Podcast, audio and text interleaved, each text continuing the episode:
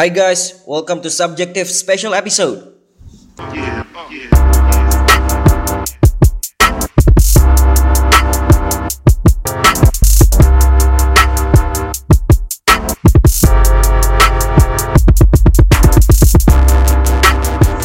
Ya jadi kenapa gue bilang uh, episode ini adalah episode spesial karena ini bukan gue rekaman uh, langsung gitu, tapi ini adalah rekaman gue waktu manggung di Social Media Week Jakarta 2016.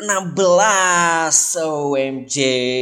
I'm so happy. Um, jadi 20 tanggal berapa sih kemarin? 26 nih kalau nggak salah. 26 Februari yang lalu uh, hari Jumat itu gue diundang oleh komunitas Tumblr Indonesia, oleh Rudi dan kawan-kawan dari komunitas Tumblr Indonesia untuk sharing di acara uh, community meetup di panggung Social Media Week Jakarta 2016. Nah, buat lo yang belum tahu, Social Media Week itu sebenarnya adalah konferensi yang skalanya global dan dia biasanya uh, dilakukan di berbagai kota, di berbagai negara. Nah, Uh, Social Media Week tuh semacam kalau lo familiar uh, TED uh, TED uh, TED Conference di mana ada pembicara-pembicara yang membicarakan tentang bagaimana mereka menggunakan social media untuk bekerja dan berkarya. Nah, salah satu panggung yang ada di sana adalah panggung Community Meetup dan salah satunya diisi oleh teman-teman komunitas Tumblr Indonesia. Komunitas Tumblr Indonesia ngajakin uh, gua dan juga Mutia Prawitasari untuk sharing di sana dan gue sangat happy sekali uh, wah gue gue happy banget ini adalah salah satu uh, apa namanya pengalaman manggung gue yang gue sangat proud gitu. Gue sangat bangga bisa ada di atas panggung itu. Uh, kenapanya? Karena nanti lo bisa uh, dengar di cerita gue yang uh, ada di rekamannya. Dan tapi yang menarik juga adalah bahwa di sana gue tuh pakai Uh, panggungnya keren, terus layarnya juga gede banget di belakang, terus uh, presentasinya enak karena di depan kanan di bagian bawah ada TV yang nunjukin uh, slide lo, jadi lo nggak perlu bolak-balik ngelihat ke belakang uh, slide lo lagi ada di mana. Terus di sebelah kiri bawah itu ada TV uh, yang nunjukin timer, jadi lo tahu kapan lo harus mulai, kapan lo harus berhenti. Uh, keren lah kayak di panggung-panggung at Amerika gitu. Um, dan di situ gue cerita tentang uh, sangat singkat sekali sebenarnya ceritanya cuma 20 menit dan gue agak terburu-buru menceritakannya tapi yang gue ceritakan adalah tentang gimana gue mulai ngeblok di Tumblr dan kemudian gue sampai di titik sekarang bagaimana gue me, me, apa namanya memanfaatkan Tumblr untuk mencurahkan keresahan gue untuk menjadi wadah kreativitas gue untuk menjadi tempat di mana gue memasarkan atau mempublish karya-karya gue. Uh, itu yang gue ceritakan uh, dan ini adalah potongan rekaman uh, saat gue manggung di sana. So, without further ado, let's welcome gue pada tanggal 26 Februari 2016 di panggung Social Media Week Jakarta. Oke, okay, uh, Thank you. Uh, selamat sore teman-teman semuanya. Uh, terima kasih sudah datang ke sini dan uh, gue akan bilang gue sangat senang sekali ada di panggung ini. Uh, salah satu pekerjaan utama gue adalah manggung, manggung dalam artian presentasi segala macam. Jadi uh, nama gue Iqbal Haryadi, gue kerja di kitabisa.com. Tapi uh, di sini gue pengen cerita gimana gue uh, ngeblok di Tumblr, di, di mana gue bikin segala hal. Uh, segala hal yang kreatif di Tumblr gitu dan itu yang pengen gue bagi dan uh, kenapa ini panggung ini sangat spesial buat gue nanti akan gue ceritakan uh, jadi pertama gue pengen uh, menyinggung lagi tentang uh, David Karp David Karp adalah founder Tumblr tidak seperti Mark Zuckerberg uh, yang sangat dikenal oleh penggunanya David Karp jarang sekali dikenal Uh, makanya gue juga uh, sering kali mengenalkan dia lewat tulisan-tulisan. David Karp ini uh, yang paling penting perlu diketahui oleh anak-anak Tumblr adalah visinya dia tentang Tumblr. Kenapa Tumblr itu berbeda dari yang lain? Karena it's not just a social media, it's not to connect you. Itu tidak seperti Facebook yang gunanya untuk connect orang-orang atau tidak seperti Twitter yang gunanya untuk menceritakan hal secara update. Tapi yang ingin disampaikan di Tumblr adalah bahwa Tumblr itu ingin menjadi perfect tools for self expression. Kenapa? Karena tadi mungkin diceritakan juga bahwa David Carp tuh dia berawal dari gue ngeblok sendiri. Gue pengen nulis banyak hal, gue pengen share banyak hal, tapi gue nggak bisa nulis. Dan tiap kali gue nulis di WordPress atau Typepad atau Blogspot, gue merasa ter terintimidasi. Karena uh, dashboardnya sedemikian lowong, terus gue harus nulis banyak hal yang kalau gue nggak nulis banyak hal, anjing gue nyerah deh. Gue nggak jadi nulis gitu. Nah itu yang pengen di pengen di crack oleh David Card, gue tahu banyak orang, semua orang tuh pengen berbagi sesuatu, semua orang tuh pengen nunjukin gue tuh suka ini, gue tuh suka itu, gue tuh bikin bisa bikin ini dan seterusnya. Nah itu sebenarnya yang dia pengen tunjukin, makanya dia bikin Tumblr. Apa yang beda dari yang lain? Dan kenapa akhirnya Tumblr menjadi tempat yang sangat spesial untuk orang-orang yang berkarya? Yang pertama, sistemnya ada following, bukan friends. Kenapa following menjadi sangat penting?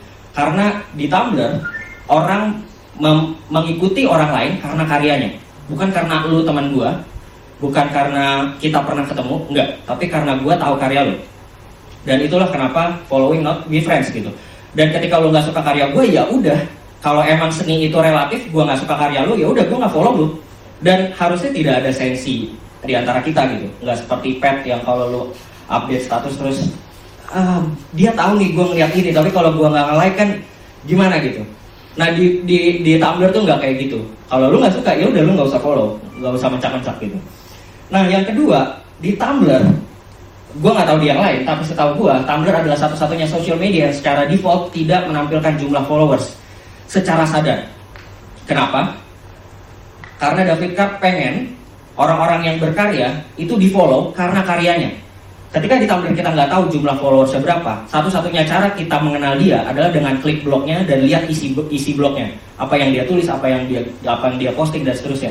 Dan itu yang akhirnya jadi sangat penting karena kalau di Instagram atau di Twitter kita mungkin follow orang karena oke okay, dia followersnya ternyata ribuan gitu. Dian Sastro follow semua orang kayak jutaan tuh uh, follow Dian Sastro gitu. Kalau gue nggak follow dia tuh gue ketinggalan nih dan segala macam. Di Tumblr nggak kayak gitu. Di Tumblr kita tidak menampilkan jumlah followers agar orang fokus sama karya kita. Nah yang ketiga, David Karp secara sadar membentuk Tumblr tidak ada komen, bersih dari komen. Dia pernah state dalam salah satu wawancara bahwa komen adalah buat dia yang merusak Facebook, uh, yang dia mention adalah YouTube. Komen adalah yang merusak YouTube, di mana ketika orang posting suatu karya banyak 80% komen itu negatif. Yang membuat si pekarya itu jadi malu dengan karyanya sendiri atau ragu-ragu kok uh, karya gue gue bikin kayak gini ternyata banyak yang nggak suka ya? Apa gue harus berhenti atau gimana? Itu dengan sengaja dihilangkan oleh David Carr di Tumblr dan diganti dengan fungsi reblog. Ketika lo pengen mengemukakan opini lo tentang postingan orang satu-satunya cara adalah lo reblog baru abis itu lo komen sehingga mau nggak mau itu harus ada di website lo sehingga ketika lo mau ngomong hal-hal yang macam-macam lo akan berpikir dengan sangat berkali-kali gitu bahwa ini juga akan ada di website gua. Jadi to sum up tadi uh, juga sudah disebut sama Rudy bahwa Tumblr tuh best canvas to express ourselves.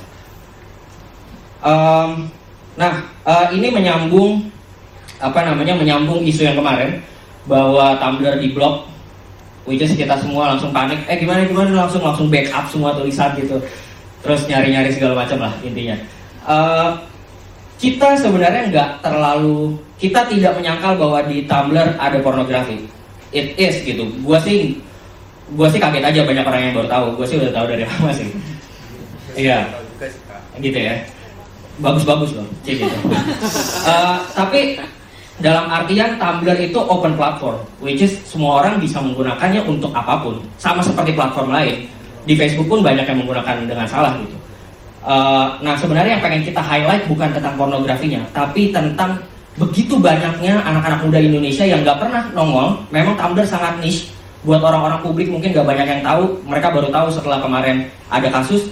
Tumblr tuh sangat niche, tapi ada ratusan ribu anak muda di situ yang berkarya dan pakai Tumblr untuk posting karya-karya mereka. Ini beberapa contohnya, uh, Mutia salah satunya, Mutia Prawitasari bukunya teman Imaji, terus ada banyak sekali Tesbat dan yang yang ini harus disebarkan adalah almost every books in Tumblr published indie. Semuanya indie. Nggak pakai major publishing ya. Semuanya indie dan it's amazing how they can get thousands sold gitu. Dan itu nggak pernah keangkat di media. Nggak pernah banyak orang yang tahu bahwa ada banyak sekali karya-karya di Tumblr yang di, di dipasarkan secara indie dan berhasil.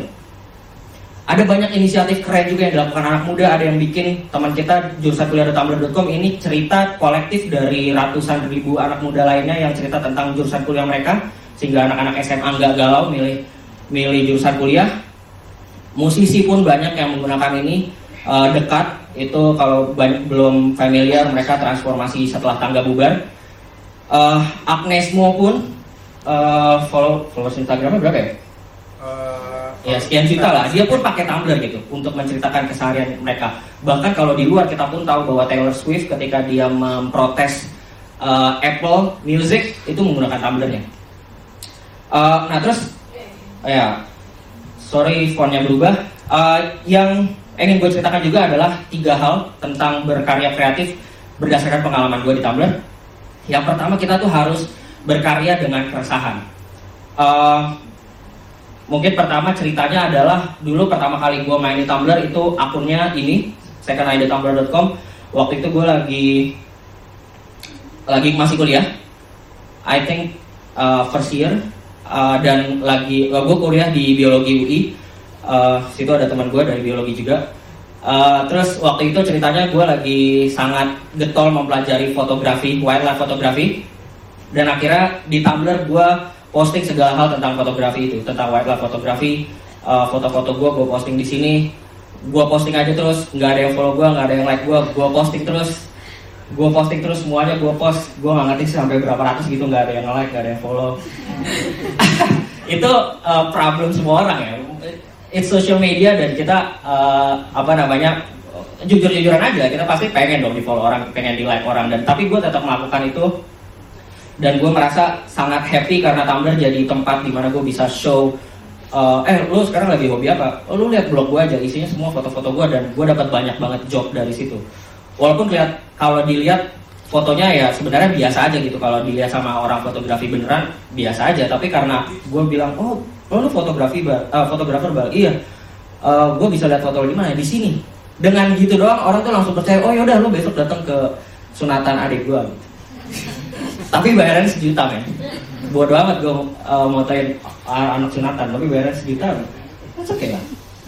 Uh, baru setelah itu uh, gue merasa gue butuh blog uh, gue juga banyak menulis memperhatikan hal-hal sekitar dan menulis observasi-observasi gue dan gue merasa butuh blog yang baru tapi tetap di Tumblr. Nah waktu itu gue bikin namanya Akademikus. Tadinya ini adalah blog gue dengan teman gue berdua. Jadi kita kayak bikin satu akun satu majalah lah gitu dengan dua kontributor tapi abis itu dia nggak aktif lagi dan akhirnya ini jadi blog gue sendiri nah di sini gue menceritakan segala hal yang gue amati segala hal yang meresahkan gue segala hal yang gue sedang sukai dan seterusnya ini tampilan blognya salah satu tulisannya gue waktu itu bercerita tentang uh, kerasnya hidup di Jakarta ketika kita ada di Jakarta terus ada orang yang nanya kita tuh langsung langsung langsung skeptis nih orang mau nipu gue mau ngerampok gue atau apa gitu Nah, itu waktu itu gue curahkan seperti itu.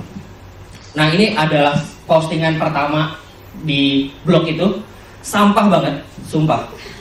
Sampah banget ini 2010 waktu masih masih awal kuliah. Ini Alif tuh teman gue yang tadi gue bilang tadi ya kita ini blog untuk berdua. Dia anak UI juga, tapi habis itu dia pindah ke STAN karena STAN sekolahnya gratis dan habis itu dia bisa uh, bekerja dengan gaji yang besar.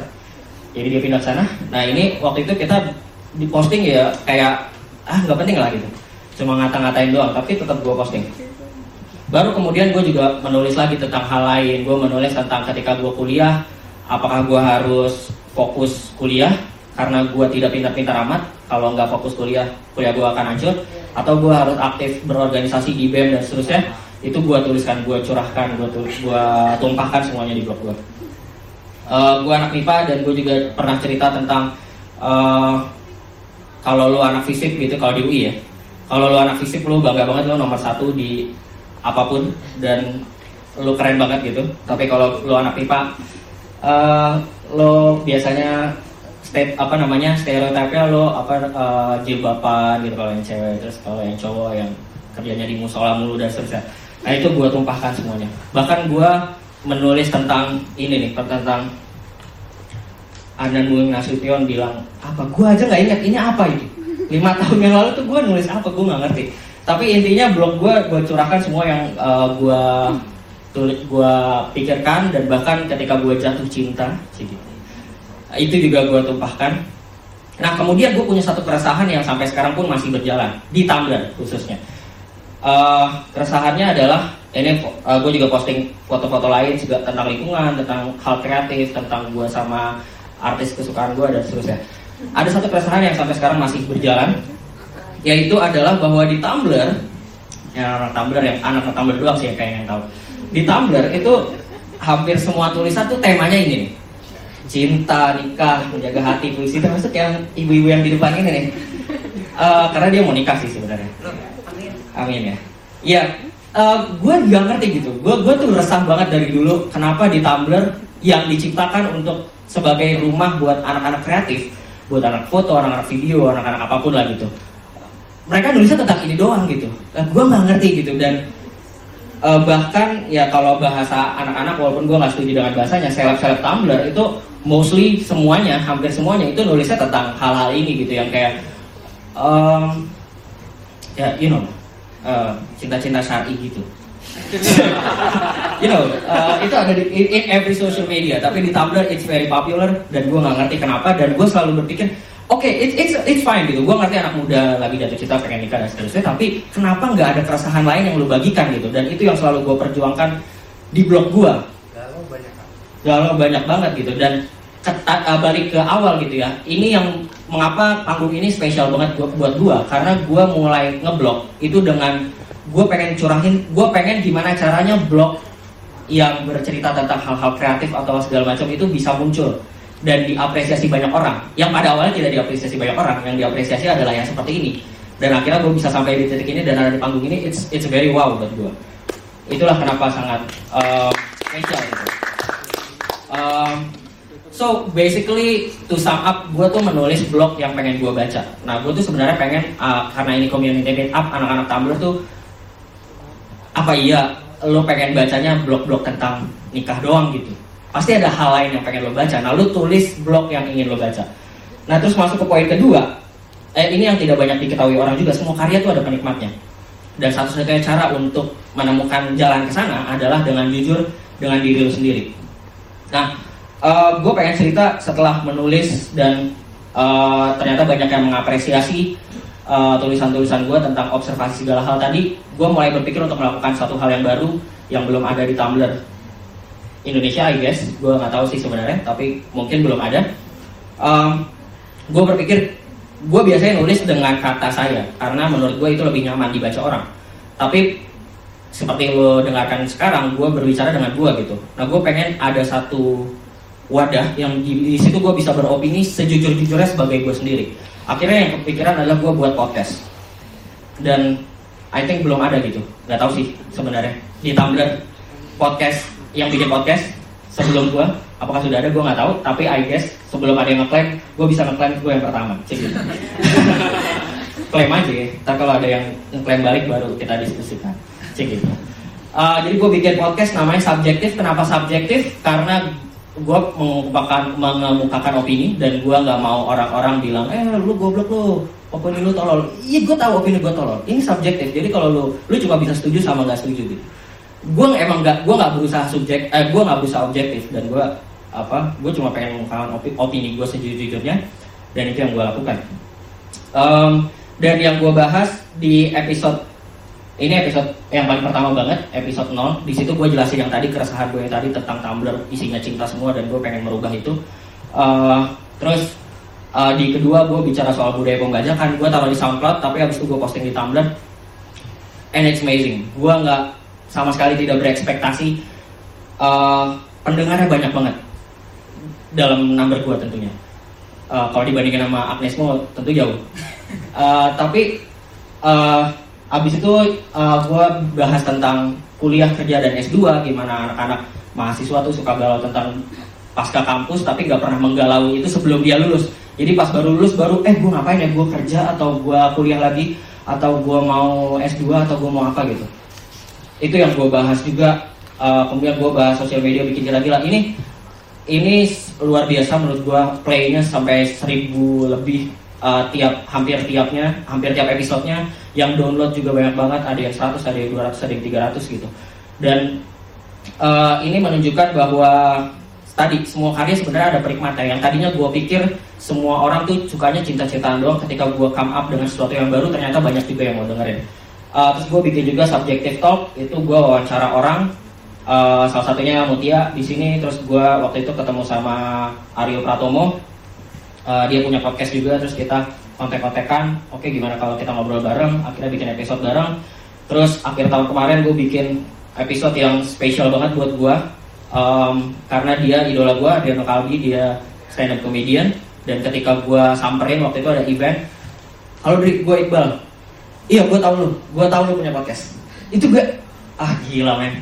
Gue pengen peluk dia tapi gue tahu dia orangnya nggak pengen dipeluk. Tapi uh, it's very special buat gue ketika gue bisa bikin karya bareng sama idola. Dan uh, efek dari podcast dari karya gue tuh luar biasa gitu. Ketika gue bahas soal pembajakan, ada teman gue yang bilang kayak gini gitu, dia langsung delete bajakan-bajakannya dia. Ya gue kayak, ah lo gila, gue bercanda doang kali. Kayak ngomongin soal pembajakan terus dia sampai serius. Uh, terus ada yang soal kuliah kerja S2, ada yang teman-teman yang bagi tentang apa yang mereka rasakan setelah mereka dengar gitu. Um, begitu juga dengan yang bahasan tentang uh, barang Adriano Kalbi uh, dan menurut gue itu uh, apa hal hal-hal seperti ini yang akhirnya membakar energi kita gitu bahwa gue tahu karya gue berguna buat seseorang di luar sana walaupun tadinya yang gue lakukan hanyalah mengekspresikan apa yang gue pikirkan. Kurang lebih kayak gitu. Um, dan gue selalu bilang sama teman-teman yang takut untuk berkarya lu berkarya aja gitu. Uh, kalau lu takut dikira so asik ya nggak apa-apa. Emang orang-orang orang-orang sukses tuh semuanya sosok sukses sampai dia sukses beneran gitu. Pretend to be until you become one. Lu so asik aja gitu. Ntar orang juga merasa orang kayak so asik. Tapi ada orang yang merasa orang asik beneran gitu. Gue juga nggak tahu. Ada orang-orang yang bilang gue so asik gitu. Tapi ada orang yang wih gila nih orang beneran nih kayak gue bikin ini ya gue bikin poster ini uh, gue taruh podcast gue di iTunes And it's, it's very easy gitu kayak cuma lu masukin link SoundCloud lu doang di iTunes terus gue so asik aja bikin poster seakan-akan gue kayak musisi yang albumnya ada di iTunes gitu. Which is nggak bohong sama sekali. Tapi orang-orang wih gila banget sekarang di iTunes. Iya iya lu download dong gitu gitu. Jadi sekarang yang punya iPhone silakan pergi ke iTunes cari podcast subjektif. Uh, itu tadi. Uh, pretend to be until you become one. Nah yang terakhir uh, tetap explore sesuatu apa uh, tetap explore apa yang bisa lo karyakan sampai lo menemukan jalannya. Akan ketemu jalannya. Gue jamin itu karena gue udah mengalaminya. Dan sering kali uh, kita di Tumblr juga ada fitur uh, apa nih ask ya? Ask. Fan mail. Jadi banyak yang nanya gitu pertanyaan-pertanyaan yang masuk pertanyaan-pertanyaan seperti ini kak gue pengen nulis tapi takut dibilang jelek kak gue hobi gambar tapi gambar gue jelek banget. Uh, ya, ya waktu gue baca ini gue juga bingung sih. Kak gue hobi gambar tapi gambar gue jelek banget. Uh, terus ada yang nanya juga bang gue pengen bikin karya kreatif tapi gue gak kreatif. Dan selalu jawaban gue cuma satu gitu. Mulai aja dulu. Ini pun gue dapetin dari mentor gue gue menganggap dia mentor walaupun dia belum tentu menganggap gue murid. Panji Pragiwaksono gue beberapa kali ikut kelas indepreneur-nya dia dan dia selalu bilang ini kalau lu pengen berkarya ya lu mulai aja dulu. Lu kalau lu takut ya apa yang lu takutin gitu. Karya lu aja belum nongol. Kok lu takut dikatain orang? Keluarin dulu gitu. Baru lu takut. Jangan takut duluan terus nggak keluar keluar gitu. Jadi sebenarnya mulai aja dulu dan yang selalu dipegang oleh semua seniman adalah bahwa first draft is always rubbish gitu. karya pertama kita tuh selalu sampah dan gue jamin sih sampah gitu. Kalau lo mau bandingkan um, Raditya Dika bukunya yang sekarang sama bukunya yang pertama sumpah bukunya yang pertama sampah banget men. Kambing jantan. Pada baca kan? Bahas-bahas kolor di kepala bokap gitu-gitu. Apaan sih? Kayak tapi tapi gue melihat gue baca bukunya dia dan gue melihat proses berubahnya tuh jelas banget ketara. Ada tangga yang ditapaki dari kambing jantan ke cinta brontosaurus ke buku berikutnya dan seterusnya gitu. Ada evolusi yang berubah. Nah kita pun harus seperti itu bahwa kalau lu pengen berkarya lu nggak pengen tentunya karya pertama lu jadi karya terbaik lu seumur hidup. Lu pengen karya terbaik karya pertama lu ya just a step gitu. Baru habis itu lu bikin something better and better. Jadi keep exploring uh, ada banyak sekali form di Tumblr yang bisa kita explore. Kebanyakan orang hanya mengeksplor bentuk teks tapi sebenarnya kita bisa explore dengan bentuk gambar dengan quote dengan link dengan chat dengan video dengan audio seperti yang gue lakukan dengan podcast. Keep exploring hal-hal itu sampai kita ketemu uh, apa yang kita inginkan. Jadi itu yang uh, gue sampaikan mudah-mudahan bisa menginspirasi untuk berkarya. Dan sebenarnya Tumblr ketika Tumblr jadi rumah untuk orang-orang yang berkarya dia pada akhirnya juga masuk ke ranah bisnis. Ketika tadi gue bilang bahwa ada banyak sekali pekarya, ada banyak sekali penulis yang dia memulai di Tumblr dan menggalang penikmat karyanya di Tumblr dan bisa mem mempublikasikan bukunya secara indie dan laku ribuan oplah, laku, laku ribuan pieces itu sungguh luar biasa dan di Indonesia masih sangat sedikit sekali yang melirik pasar Tumblr secara serius. Dan itu yang nanti uh, setelah ini akan dieksplor lebih dalam sama teman gue yang juga dia sudah punya buku, sudah menulis buku dan meng memasarkannya secara indie di Tumblr Mutia Prawitasari. Ya. Yap, jadi itu dia tadi uh, cerita gue tentang gue menggunakan Tumblr. Uh, gue juga ada rekamannya, jadi rekaman videonya, tapi walaupun kualitasnya nggak begitu bagus, uh, karena pakai kamera yang kamera gua cuma ditaruh doang terus karena dia autofocus jadi kadang-kadang ngaco gitu. Um, tapi lo tetap bisa lihat apa namanya lihat rekamannya ada di YouTube. Kalau lo mau cari cari aja pakai keyword uh, social media week 2016 komunitas Tumblr Indonesia Nah di situ juga ada full satu jam itu ada tiga pembicara. Yang pertama itu Rudi dari komunitas Tumblr Indonesia, kemudian rekaman uh, gua, kemudian setelah itu ada juga Mutia Prawitasari ngobrolin gimana dia memanfaatkan Tumblr untuk sebagai apa ya sebagai market sebagai market bisnis yang sangat menghargai dan mengapresiasi karya. Uh, jadi itulah uh, kira-kira cerita tentang Tumblr uh, dan rekaman gue di Social Media Week Jakarta. Um, dan mudah-mudahan apa yang gue sampaikan bisa well bermanfaat. Atau ah nggak tau lah. Ya yang bagus-bagus lah gitu. Uh, doa-doa standar uh, apa doa-doa standar penutup acara gitu ya. Semoga yang gue sampaikan bermanfaat buat kalian. Dan kalau kalian merasa ini sangat bermanfaat buat kalian kalian bisa komen like dan share ke teman-teman yang lain Anyway, um, ya kalau ada pertanyaan atau apa pun lo bisa mention gue di Twitter at @iqbalhp iqbal h a p e atau bisa juga email ke iqbalhape iqbalhp at gmail.com so I think that's it guys. Um, use your Tumblr wisely. Selamat berkarya selamat berkreatif Salam kreatif and please be subjective.